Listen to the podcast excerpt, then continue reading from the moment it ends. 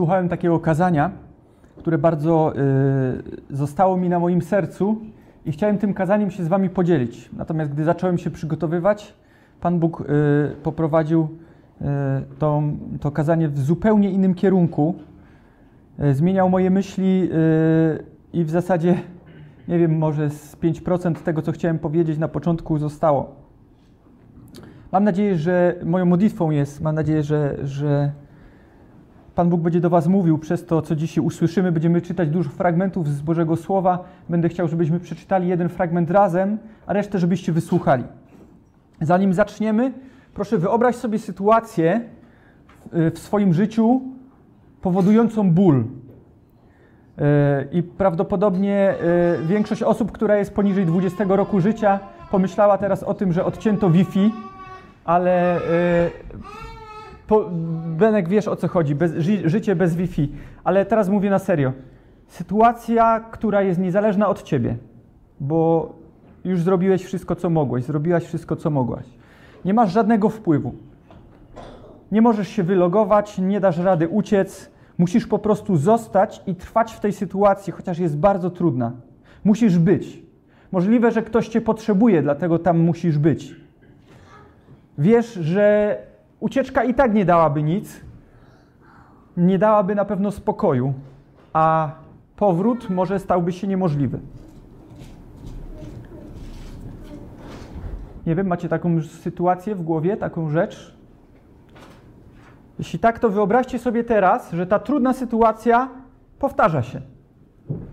Nie jeden raz, nie dwa, ale powtarza się trzeci raz, dziesiąty raz, trwa tygodniami, miesiącami, a nawet latami.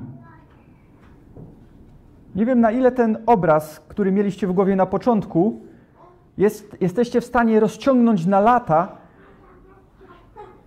albo na jakieś, nie wiem, choćby na miesiące, ale wyobraźcie sobie trudną sytuację, którą trzeba przeżywać na nowo i na nowo i na nowo. Księdze Trenów, pierwszy rozdział, szesnasty werset, przeczytamy Właśnie dlatego płaczę, moje oczy spływają łzami. Daleko jest mój pocieszyciel. Nie ma kto mnie pokrzepić. Znasz to? Byłeś kiedyś w takiej sytuacji, byłaś kiedyś w sytuacji, w której czułaś, że już nawet nie masz sił płakać, a wszyscy, którzy powinni cię pocieszyć, są daleko. Wydaje się, że nie ma nikogo. Ciężary, które w życiu nosimy, Biblia nazywa jarzmem. Więc niesiesz to jarzmo, zgarbiony, opadasz z sił, bo chwilę można nieść, ale gdy trwa to już długo, to co masz zrobić? Nie wiem, o czym pomyślałeś na początku, ale w życiu każdego z nas jarzmo może wyglądać inaczej. Nie musi ono być identyczne jak w przypadku tej drugiej osoby, ale może nam sprawiać identyczny ciężar. Może nam tak samo trudno być nieść to jarzmo, chociaż jest zupełnie inne od tego, co mają moi znajomi. Pierwszej królewskiej 12:4 jest taki mały fragment. Tam jest napisane: Twój ojciec nałożył na nas ciężkie jarzmo. Zdejmij z nas ten ciężar pracy. Niech to jarzmo nie ciąży na nas tak boleśnie. Wtedy będziemy Ci służyli. Praca. Praca może być jarzmem. Praca może być ciężarem. Codzienne obowiązki i praca są tym, czym, tym co, co sprawia nam często ciężar, najczęściej może nawet. Ojciec odpowiedzialny za rodzinę nie może tak o po prostu rzucić pracy, bo wie, że mają na, na utrzymaniu. Matka ma jeszcze gorzej, bo zazwyczaj jest w domu, nie może po prostu trzasnąć drzwiami, wyjść i powiedzieć do widzenia, bo kto się zajmie tymi dziećmi? Jeszcze gorzej. Martwimy się o różne sprawy. I nie chodzi mi teraz o takie normalne martwienie wynikające z troski, będące y, odpowiedzią na pytanie, a ciekawe jak sobie poradzą, albo ciekawe jak to będzie. Bo wiecie, to jest normalne w naszym życiu. Każdy z nas się zastanawia, jak to wyjdzie, co z tego wyniknie. To jest normalne. Troska do pewnego momentu jest normalną częścią naszego życia. I nawet jest zdrowa. Powinniśmy się troszczyć w jakiś sposób. Zastanawiać się, co u niego słychać. A ciekawe, jak ona sobie z tym radzi. Na tej zasadzie, że ktoś może potrzebować naszej pomocy a ciekawe, jak tam moje dzieci. A ciekawe, jak on na tych studiach, gdy sam wyjechał do tego dużego miasta. A ciekawe, jak sobie radzą teraz, gdy urodziło im się pierwsze dziecko. Wiecie, i nie chodzi o to tylko po to, żeby myśleć o tym i się tym zamartwiać, tylko żeby te myśli przerodziły się w konkretne działanie, które koniec końców spowoduje, że wyjdzie z tego jakaś pomoc. Także troska jest czymś normalnym, ale ja nie o tej trosce dzisiaj chciałbym Wam mówić. Czasami na, na, własne życzenie wpychamy się w problemy. Ludzie mówią nam, nie idź w to, ale my idziemy, całą parą. A co, nie dam rady? A czasami, tak jak jest to napisane w drugim liście do Koryntian w szóstym rozdziale, wprzęgamy się sami w nierówne jarzmo z niewiernymi. I chociaż dla nas ten fragment wydaje się być tożsamy z małżeństwem, to zapominamy o tym, że może dotyczyć wielu różnych dziedzin, choćby biznesu. Czemu robisz interesy z ludźmi, którzy w ogóle nie żyją po Bożemu i dla nich Boże zasady są niczym? To jest wrę wręcz więcej niż pewne, że któregoś razu może się zdarzyć, że oni postąpią wbrew temu, co oczekujesz, bo oni po prostu żyją dla siebie, a nie dla Boga mają inne zasady. Ten sam list do Koryntian mówi, co ma wspólnego światłość z ciemnością. Co ma wspólnego? Pan Jezus mówi wprost: wyjdźcie spośród nich, odłączcie się od nich. Nieczystego się nie dotykajcie, a ja was przyjmę. Będę wam ojcem, wy będziecie mi synami i córkami, mówi wszechmoc, wszechmocny Pan. Także to nie jest tylko kwestia e, finansów, kwestia pracy, Często zdrowie jest wielkim jarzmem. Ból, który musimy znosić każdego dnia. Nie chodzi o katarek i o gorączkę. Sprawy materialne, bo martwimy się o bliskich i to na różne sposoby. Niesforne dzieci, z którymi już nie dajemy rady, tylko słyszymy ciągle skargi, tylko ciągle powodują problemy. Mąż, który jedyne co ma dla ciebie, to smutne słowo, które zawsze sprawi, że będziesz mieć łzy w oczach, bo na nic innego go nie stać, taki jest twardziel. Nie chodzi mi cały czas o zwykłe zmartwienia. Miejmy to na uwadze. Ale chodzi mi o nawał przeróżnych spraw, o częstotliwość problemów, o ich intensywność, gdy się wszystko kotłuje, gdy się wszystko nawarstwia, gdy jarzmo zaczyna tak nam ciążyć, że powoduje ból. I to ból, który jest fizyczny, który jest odczuwalny, który jest realny. Czy rozumiesz, o, co mogę mieć na myśli? Ja myślę, że większość z nas może, może to rozumieć, wręcz doskonale pamiętać, o ile nie przychodzisz przez coś teraz. Niestety często ludzie wierzący nasi bracia i nasze siostry, zamiast pomóc nam nieść ciężar w takich sytuacjach, dokładają nam jeszcze więcej na nasze barki. Czemu ty taki smętny? Powinieneś się radować, przecież jest napisane: radujcie się w Panu zawsze. A ty łazisz jak taka smęta. Nie masz pokoju, bo nie oddałeś tego Bogu. Proste? No proste. Przecież masz Ducha Świętego i Jego moc. To czemu jesteś taka słaba? W Twoim życiu to musi być grzech, skoro takie coś ci się przytrafiło. Albo gdyby naprawdę był wierzący, to nie dopuściłby się tej rzeczy. Znacie te teksty? A może wam to coś przypomina? Jeśli jesteś naprawdę synem Bożym, to zejdź z krzyża. Te same metody, te same teksty.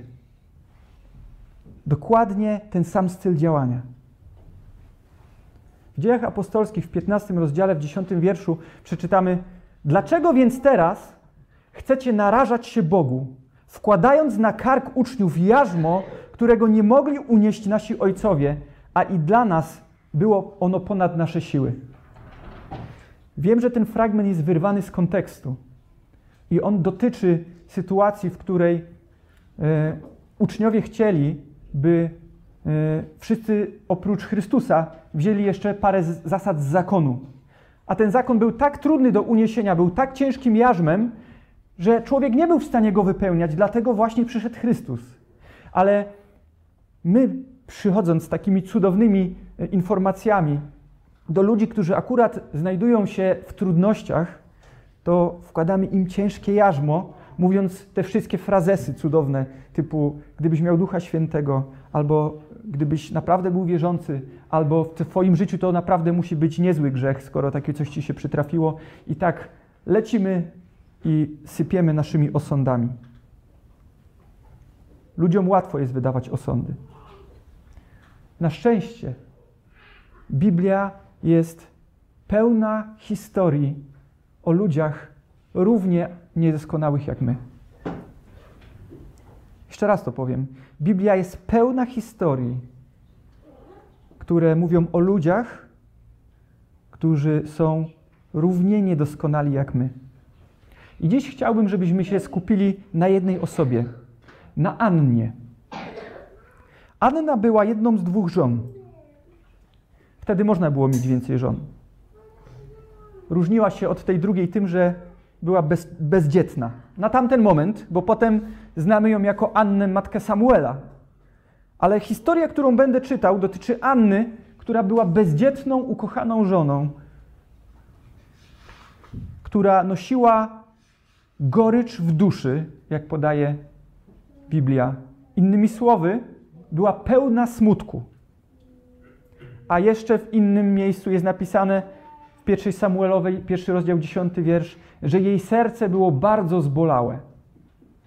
I właśnie jeśli chodzi o zmartwienia, trudności i problemy, chciałbym, żebyśmy mieli na uwadze osobę, którą można by określić, że nosi gorycz w duszy, że jest pełna smutku i że jej serce jest bardzo zbolałe. Może jak Anna, wiesz, co to znaczy nie móc mieć dzieci? Albo może nie móc mieć dzieci, gdy ta druga ma, bo ta druga żona miała. Może patrzysz na Twoją siostrę, na Twoją przyjaciółkę, Twoją sąsiadkę bliską Tobie, bo nikt już dzisiaj nie ma dwóch żon, więc nie mamy takiego dokładnego odniesienia. Niedawno do Nadii napisała dziewczyna, która poroniła osiem razy.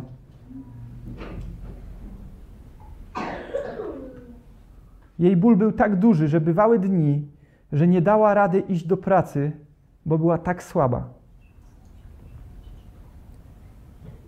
Wiecie, inaczej wygląda bezdzietność, chociaż też jest tragedią życiową, ale inaczej wygląda bezdzietność, gdy nie możesz zajść w ciążę, a inaczej, gdy po raz któryś z kolei rodzisz w toalecie martwy płód.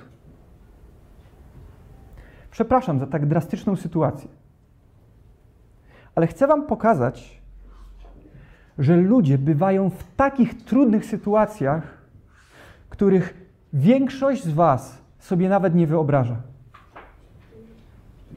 Nawet nie zdajemy sobie sprawy, co ludzie mogą przeżywać, co może być w ich sercu. Łatwo jest nam ocenić, gdy przyjdą na nabożeństwie i znów widzimy ich smętną minę, a kompletnie nie wiemy, co się dzieje w ich domu.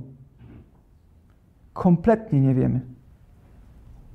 Chrześcijan początków Kościoła zachęcano, żeby pocieszali swą mową dusze przygnębione. Znajdziemy to w 1 Tesaloniczan 5:14. Pocieszali swą mową dusze przygnębione.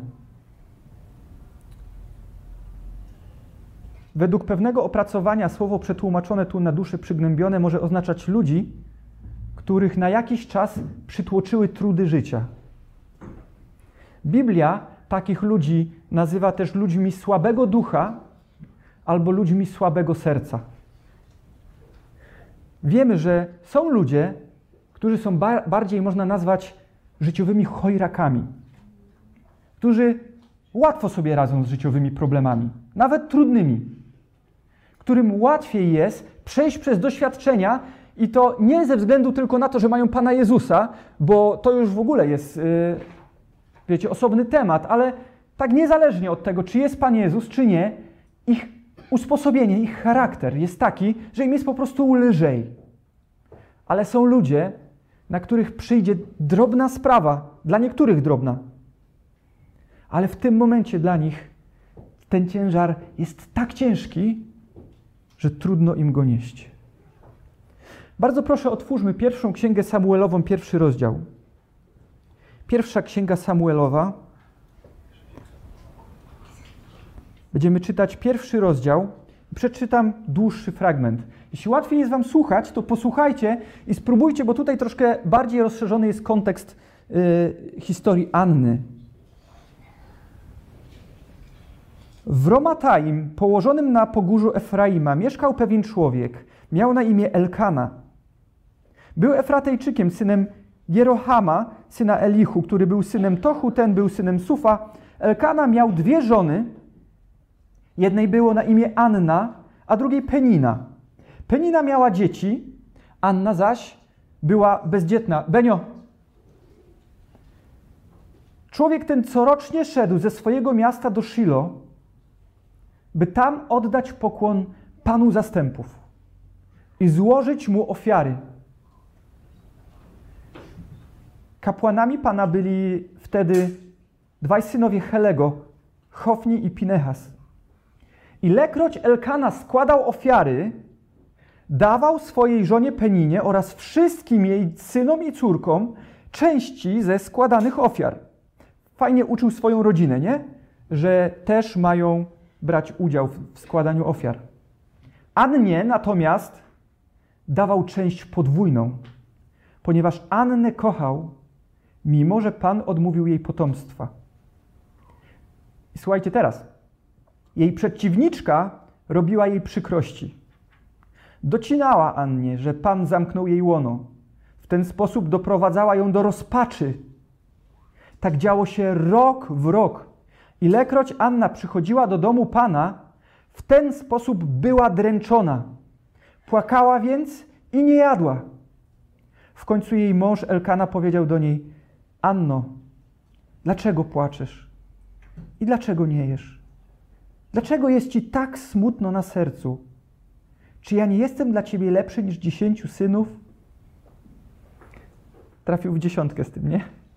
No starał się chłop, musimy powiedzieć, starał się, dawał jej podwójną część, szczególne względy, ale nie złapał sensu tego, o co chodziło.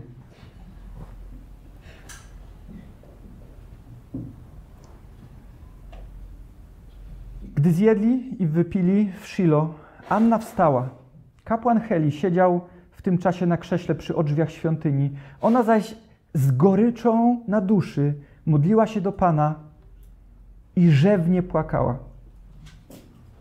Złożyła przy tym ślub.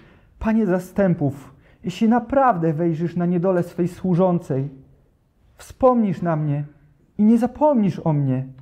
Jeśli dasz swej służącej męskiego potomka, to ja oddam go Panu po wszystkie dni jego życia i brzytwa nie dotknie mu głowy. A gdy tak długo modliła się przed Panem, Heli śledził jej usta. Anna mówiła z serca, ledwie drżały jej wargi, nie wydawała głosu. Heli uznał, że jest pijana. Jak długo będziesz się upijać? Przyganił. Skończ wreszcie z tym winem. Nie mój panie, wyjaśniła Anna. Jestem kobietą znękaną na duchu. Wina ani piwa nie piłam. wylałam przed Panem swą duszę. Nie zaliczaj swej służącej do kobiet niegodziwych. Przez cały czas mówiłam z głębi mej troski i wielkiego strapienia.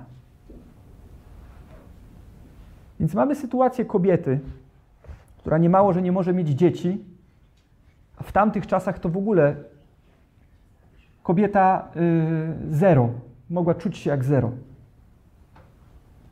Tam nie było wszystkich tych metod, które my dzisiaj mamy, cudownej y, medycyny i jeszcze innych sposobów. Jeszcze do tego dogryzała jej konkurencja. Może czy, słyszałeś ten fragment i myślisz, dobrze, że mnie to nie dotyczy. Mam już dzieci, wyrosły. Dobrze, że ja nie mam takich problemów. Może to jest moment, w którym warto się zastanowić, czy przypadkiem diabeł nie ma u ciebie o co walczyć. Pomyśl. Prędzej czy później w naszym życiu powinny przyjść troski. Wiecie czemu? Bo to jest normalne, to jest część naszego życia. Rzymian 8 rozdział, 22 werset mówi nam, że całe stworzenie aż dotąd wespół wzdycha i wespół doznaje boleści. Całe stworzenie. Więc czemu ty miałbyś być wyjątkiem, żyjącym na haju, y, życiem, tak jak się to mówi, luz blues? Jeśli dotychczas jeszcze nie przyszły problemy, to cieszę się, że dzisiaj to słyszysz, bo gdyby przyszły, mam nadzieję, że tak nie będzie, życzę Wam wszystkim dobrze. Będziesz wiedział, do kogo się zwrócić.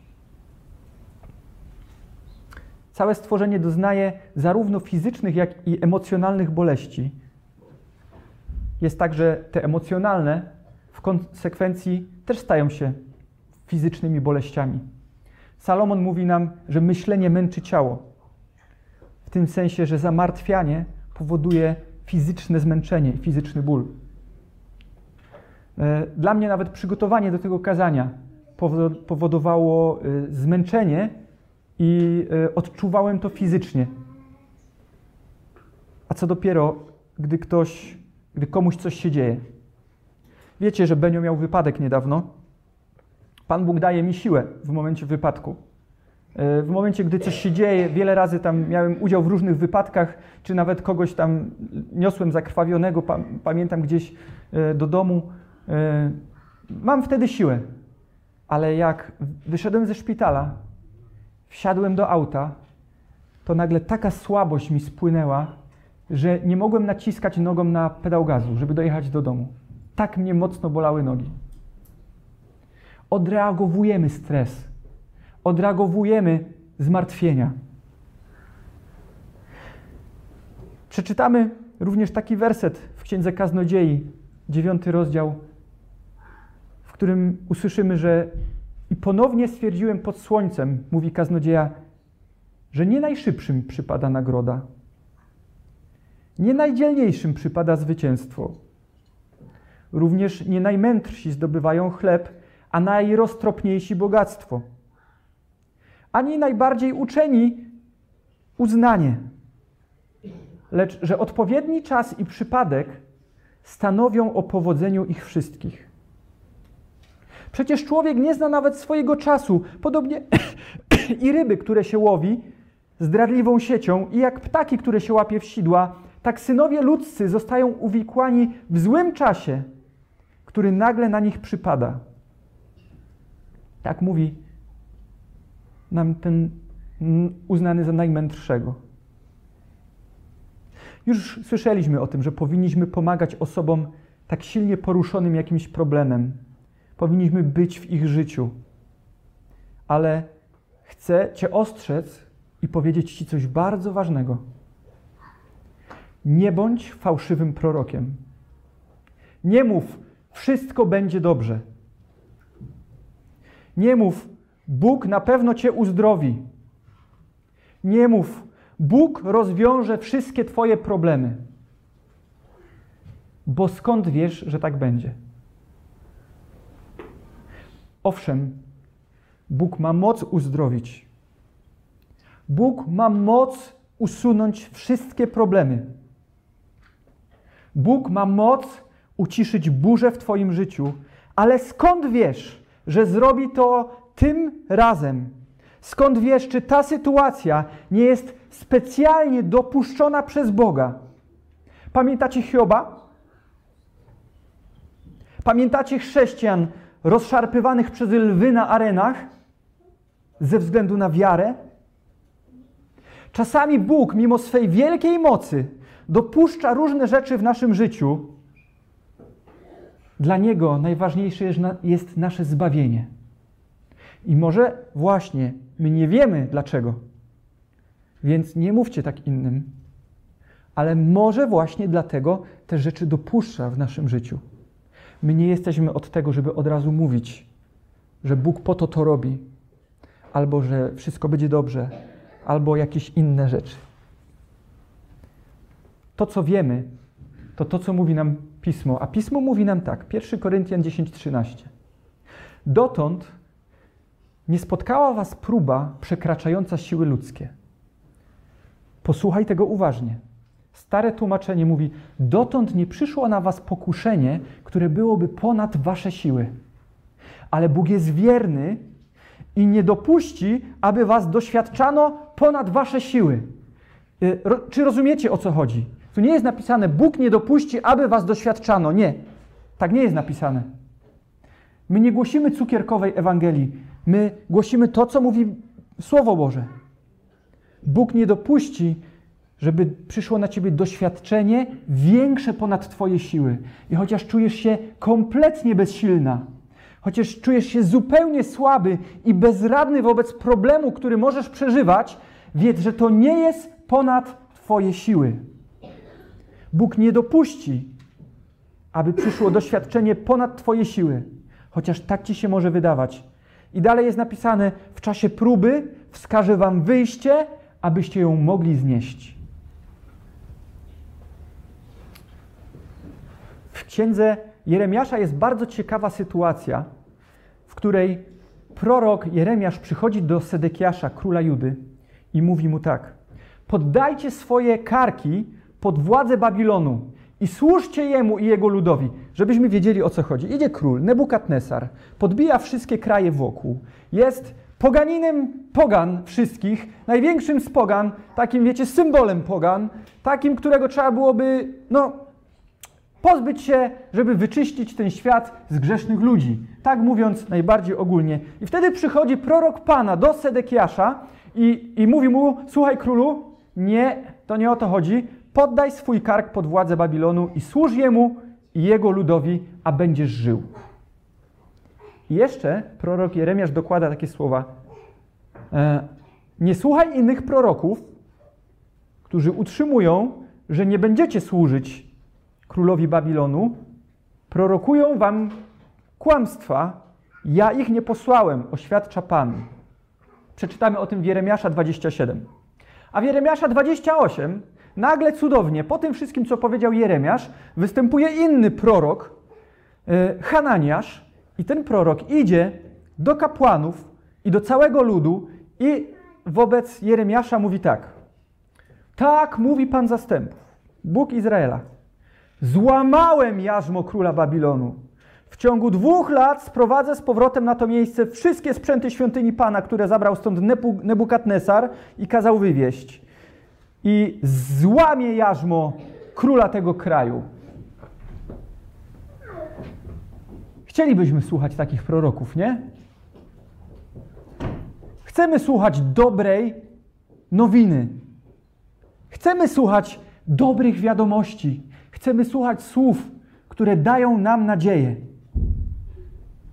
Ale czasami Bożą wolą w naszym życiu, czasami Bożą wolą w Twoim życiu jest, żebyś szedł teraz niosąc ciężkie jarzmo. Czemu tak jest, nie wiem. Jeśli chcesz wiedzieć, proś Boga o mądrość w zrozumieniu tej sytuacji. Proś Boga, może ci odpowie.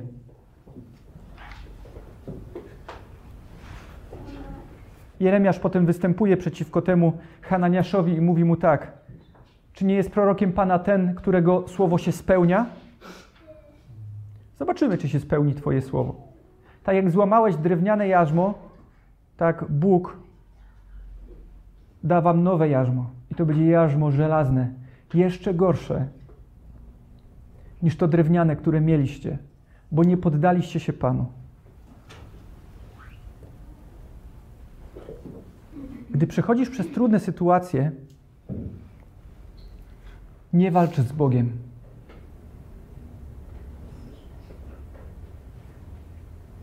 Bo resztki sił, które masz, resztki sił, które powinny ci starczyć, żeby przejść tą trudną sytuację, możesz zużyć zamiast na walkę z wrogiem, to na walkę z Bogiem. W Ewangelii Mateusza w 11 rozdziale od 28 wiersza przeczytamy słowa, które mówi do nas Pan Jezus, które mówi do Ciebie. Przyjdźcie do mnie wszyscy, który jest, którzy jesteście zapracowani i przeciążeni. Ja wam zapewnię wytchnienie. Weźcie na siebie moje jarzmo. Uczcie się ode mnie łagodności i pokory serca, a znajdziecie ukojenie dla waszych dusz. Gdyż moje jarzmo jest wygodne, a moje brzemię lekkie. I teraz wszyscy myślą, tak, to jest fragment dla mnie. Przyjdźcie do mnie wszyscy, którzy jesteście spracowani i przeciążeni, a ja zapewnię wam wytchnienie. Tak. Chcę słuchać takich fragmentów. To jest to, co Maciek miałeś powiedzieć od początku, straciłeś dwadzieścia parę minut, a miałeś to właśnie powiedzieć. Tyle, że Pan Jezus nie kończy wypowiedzi w tym momencie. On mówi: Przyjdźcie do mnie, zapewnię wam wytchnienie, weźcie na siebie moje jarzmo. Zapracowany? Chodź do mnie na jeszcze jeden etat. Przeciążony? Chodź, przekopiesz mi grządki. Tak to trochę brzmi, nie? Przepracowany? Obciążony? Chodź, weź moje jarzmo. Żebyśmy wiedzieli, o co chodzi z jarzmem. Jarzmo to było takie drewniane coś, yy, taki, taka powiedzmy specjalnie wystrugana bela, którą kładło się albo na jednego byka, albo na dwa byki, jeśli szły w zaprzęgu. I do tego były tam przyczepione lejce i inne ewentualnie urządzenia. I to tam miało jakiś ciężar y, trzymać, ale służyło to przede wszystkim po to, żeby tym bydłem kierować. Wyobraźcie sobie byka, jakbyście wpuścili na pole bez jarzma, nawet jak mu tam przypniecie jakiś pług, to jakby orał jak chce. Esy floresy na polu, nie? Ale jak założysz mu jarzmo, trzymasz wodzę w rękach, to możesz nim kierować, on idzie tam, gdzie ty chcesz. Pan Jezus chce ci powiedzieć, że on chce, żebyś szedł we właściwym kierunku i właściwą drogą. On nie wkłada ci jarzma po to, żeby ciebie dobić, ale on daje ci jarzmo, żeby cię poprowadzić we właściwym kierunku. My chcielibyśmy iść właściwą drogą, ale najchętniej bez jarzma. Myślimy nieraz, wkręceni przez kolejne oszustwa diabła, że ludzie w świecie chodzą bez jarzma. Ci to mają fajnie. Oni to mają luz. Niczym się nie przejmują. Ale to jest oszustwo diabła. Oni idą bez jarzma w naszych oczach, niosąc jarzmo, którego sobie nie, nie wyobrażasz. Oni chodzą bez wody. Mają jarzmo, ale chodzą jak chcą, przyciśnięci nieraz gorzej niż ty sobie to wyobrażasz. Mają chwilę radości, ale my też mamy chwilę radości. Też mamy dobre dni w naszym życiu. Też mamy chwile, do których wracamy pamięcią. Chcemy przeglądać zdjęcia w naszych albumach, na naszych telefonach z chwil, które były dla nas miłe i przyjemne. Gdy masz jarzmo, to możesz wiedzieć, że jesteś na właściwym kursie. Jak wyglądałoby to pole? Powiedzmy, jak wyglądałoby to pole, gdyby ten wół nie był prowadzony? Pan Jezus mówi: Uczcie się ode mnie łagodności i pokory serca. Naszą pierwszą reakcją zazwyczaj w sytuacjach trudności jest wykrzyczeć wszystko Bogu. Wręcz wyżygać wszystko Bogu. Sorry za słowo. Ale mówimy tak bezczelnie, tak bez szacunku, bez jednego zastanowienia, do kogo mówimy, że tak by to właśnie można porównać. Jedziemy wszystkimi tekstami, Boże, dlaczego to, tamto, czemu Cię nie ma, to i pretensje, i wiecie, jak do kolegi z sąsiedztwa lecimy teksty. Żona Hioba radziła mu y, w drugim wersecie, y, w drugim rozdziale dziewiąty werset, złożecz Bogu i umrzyj. Jak już patrzała na swojego męża, który tak siedział i znosił te rzeczy, które przychodziły w jego życiu, te trudne, te ciężkie, te tragiczne rzeczy, mówiła mu: złożecz i umrzyj. Po co ci jeszcze żyć? A Pan Jezus mówi: Ucz się ode mnie, że jestem cichy, łagodny, pokornego serca. Jak owca na rzeź prowadzona. Jak baranek przed tymi, którzy go strzygą.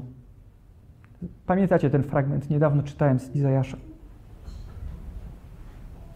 Nie krzycz do Boga od razu, gdy coś dzieje się nie tak w Twoim życiu. Wylewaj przed nim swą duszę jak Anna. Powiedz o swoim smutku. Opowiedz o Twoim problemie. Opowiedz, jak bardzo Cię boli. Mów to wszystko. To jest najlepsza psychoterapia, jaka może Ci się zdarzyć. Najlepsza. Gdy ciężar, który niesiesz, zaczniesz powoli przekładać na tego, którym ma moc nieść każdy ciężar. W świecie tego nie dostaniesz. Wylej przed nim swoją duszę. Nie zapominaj, kim on jest. Nie zapominaj, kim ty jesteś dla niego. Co zrobił dla ciebie i jak bardzo cię kocha.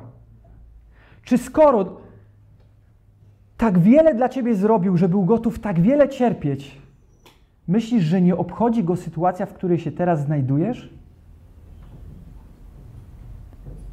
Pan Jezus powiedział, że gdy ktoś dotyka się was, to tak jakby dotykał się źrenicy waszego oka. Wiecie, co to znaczy dotykać się źrenicy oka? To jest taki czuły punkt. Jak się bawicie czasami z małymi dziećmi, to one mają różne zabawki w ręce i nagle w oko to wtedy wiecie, co to jest czuły punkt. Gdy ktoś dotyka się ciebie, to tak jakby dotykał czułego punktu Boga. Jemu to nie jest wszystko jedno. On ciebie kocha i on o ciebie dba.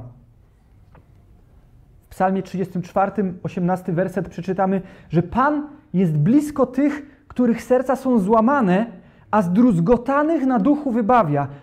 Rozumiesz, co tu jest napisane? Masz prawo czasami czuć, że masz złamane serce. Masz prawo czuć się czasami zdruzgotany. To nie znaczy, że teraz jesteś takim słabym chrześcijaninem, że tylko już kopnąć i do rowu niech leży. Żyjemy w słabym ciele. Żyjemy w grzesznym świecie. Żyjemy wobec przeciwnika, który cały czas chodzi jak lew ryczący, który szuka kogo by tylko dobić i pogrążyć. To, że Twoje serce było złamane, może jest złamane, to nie jest dla Boga żadną nowością. Swoim zachowaniem nie zaskoczyłeś go w żaden sposób, ani nie zawiodłeś, bo on doskonale wiedział. Zanim powstał świat, tam były zapisane wszystkie Twoje czyny Wszystkie dni przyszłe, zanim jeszcze to zrobiłeś, on już doskonale wiedział, że to zrobisz i nie jest to dla niego żadnym zaskoczeniem. Więc nie myśl o tym, że mogłeś go zawieść. Pamiętacie Eliasza? Eliasz, ten wielki prorok, tak. Miał dość. W samotności walczył przed Bogiem. Nikt inny nie stał po jego stronie. Ścigany listem gończym musiał ukrywać się wiele lat i doświadczać rzeczy, na które z własnej woli by się nie zgodził. Bóg na górze Karmel przyznał się do niego w niesłychany sposób, ale po tym wszystkim Eliasz prosi Boga, by go zabrał. Tak delikatnie mówiąc, bo mówiąc wprost, chciał umrzeć. A mówiąc w dzisiejszym językiem, miał myśli samobójcze. Eliasz, wielki prorok Boży. A wtedy Bóg przychodzi do niego i zajmuje się nim tak, tak prosto. Daje mu posiłek. Przychodzi do niego z posiłkiem. A potem przychodzi do niego w łagodnym powiewie i daje mu się zobaczyć. Mam nadzieję, że i dziś Bóg, działając przez ręce Kościoła, staje na drodze ludzi załamanych, by dać im posilenie. Takie, wiecie, proste. Bo ludzie, którzy są tak bardzo udręczeni, nie mają nawet siły mieszkania posprzątać.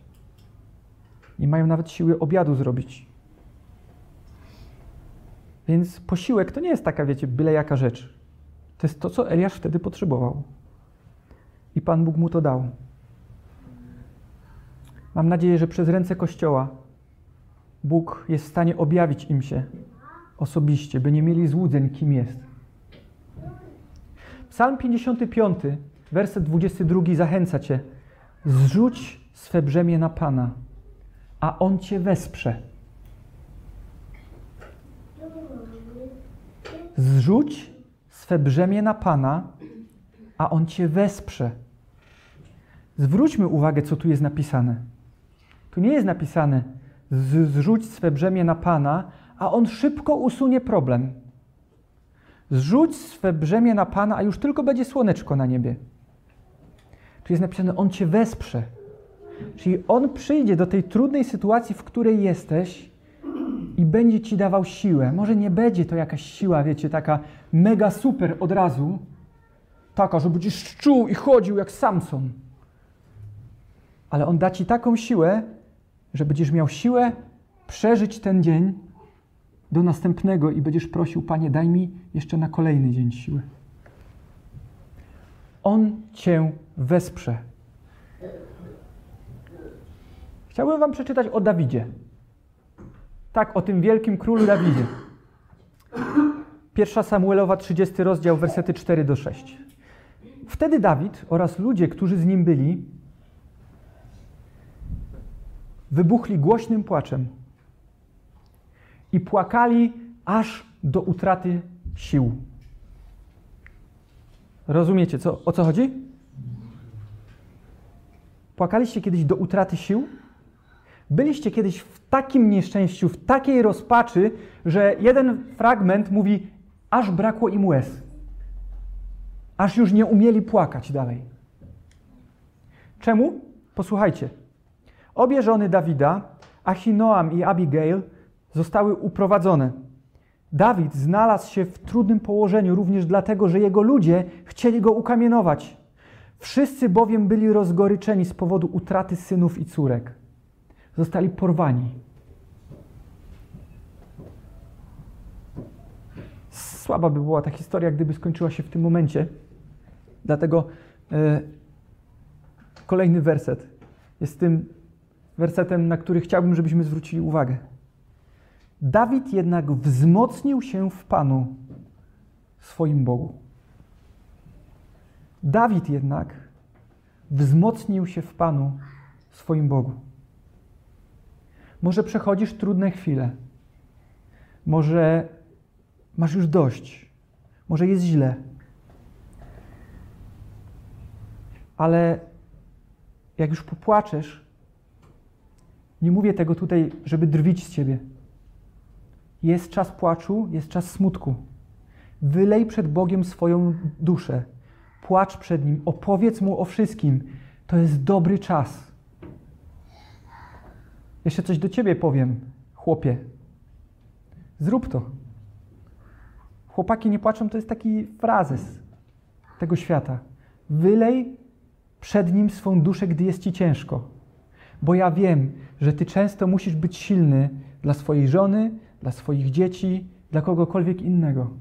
Ale jest Twój Bóg, do którego gdy przyjdziesz w swojej komnacie, w swojej samotności, na osobności, gdy przyjdziesz do Niego, wylej przed Nim swoją duszę. Dawid wzmocnił się w Panu swoim Bogu. Bóg wie, że jesteśmy kruchym tworem. On wybaczył niewiarę Tomaszowi. On nawet wybaczył zdradę Piotrowi. I pamiętaj, nie zaskoczyli go. On o tym wiedział. I Psalm 107, werset 14 mówi obrazowo: I wyprowadził ich z ciemności i mroku, a ich kajdany pokruszył. I wyprowadził ich z ciemności i mroku, a ich kajdany pokruszył. I możemy to powiedzieć my wszyscy, którzy byliśmy w sytuacji ciemności i mroku, w sytuacji, w której wydawało się, że byliśmy jak uwięzieni, jak spięci kajdanami, jak unieruchomieni. Ale dziś, z perspektywy czasu, my, którzy żyjemy z Bogiem, możemy powiedzieć, że wyjął, wyprowadził nas, wyrwał z tej sytuacji. I Biblia jest pełna tych fragmentów, kiedy On nas wyciąga z grząskiego błota i stawia na skalę. To właśnie jest Jego działanie. W sytuacjach największego smutku i największej samotności w moim życiu Bóg był tym, który mi pozostawał.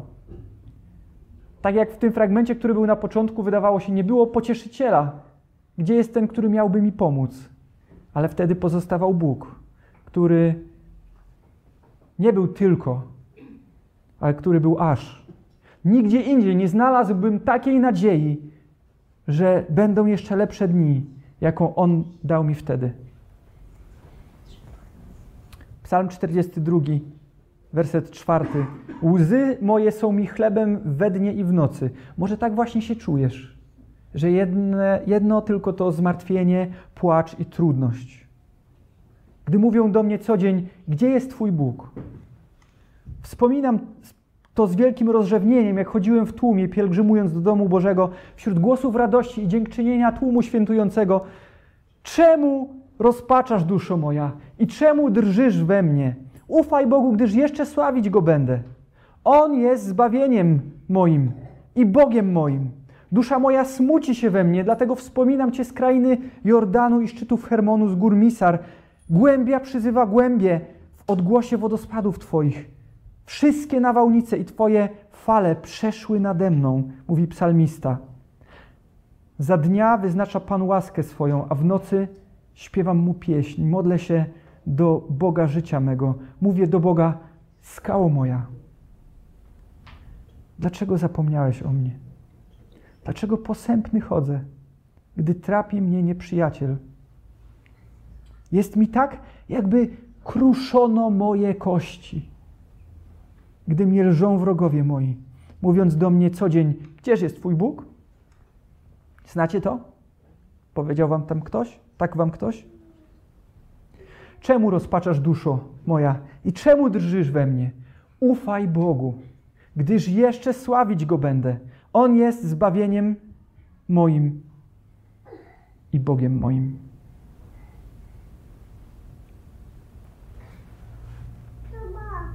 Powstańmy wszyscy. Chciałbym na koniec przeczytać jeszcze jeden psalm. Psalm, w którym mamy jasno powiedziane o tym, kto jest w stanie uciszyć nawet największy sztorm w naszym życiu. Kto jest w stanie w trudnej sytuacji być nam pomocą. Kto jest w stanie w trudnej chwili być z nami, po prostu być. Psalm 62, wersety 6 do 9. Jedynie w Bogu jest uciszenie duszy mojej, bo w Nim pokładam nadzieję moją. Tylko On jest opoką moją i zbawieniem moim, twierdzą moją, przeto się nie zachwieję. W Bogu zbawienie moje i chwała moja, skała mocy mojej, ucieczka moja jest w Bogu. Ufaj Mu narodzie, albo jak w pieśni śpiewaliśmy, ufaj Mu Kościele w każdym czasie. Wylewajcie przed Nim serca wasze, jak Anna. I pamiętajcie, Bóg jest naszą ucieczką. Amen.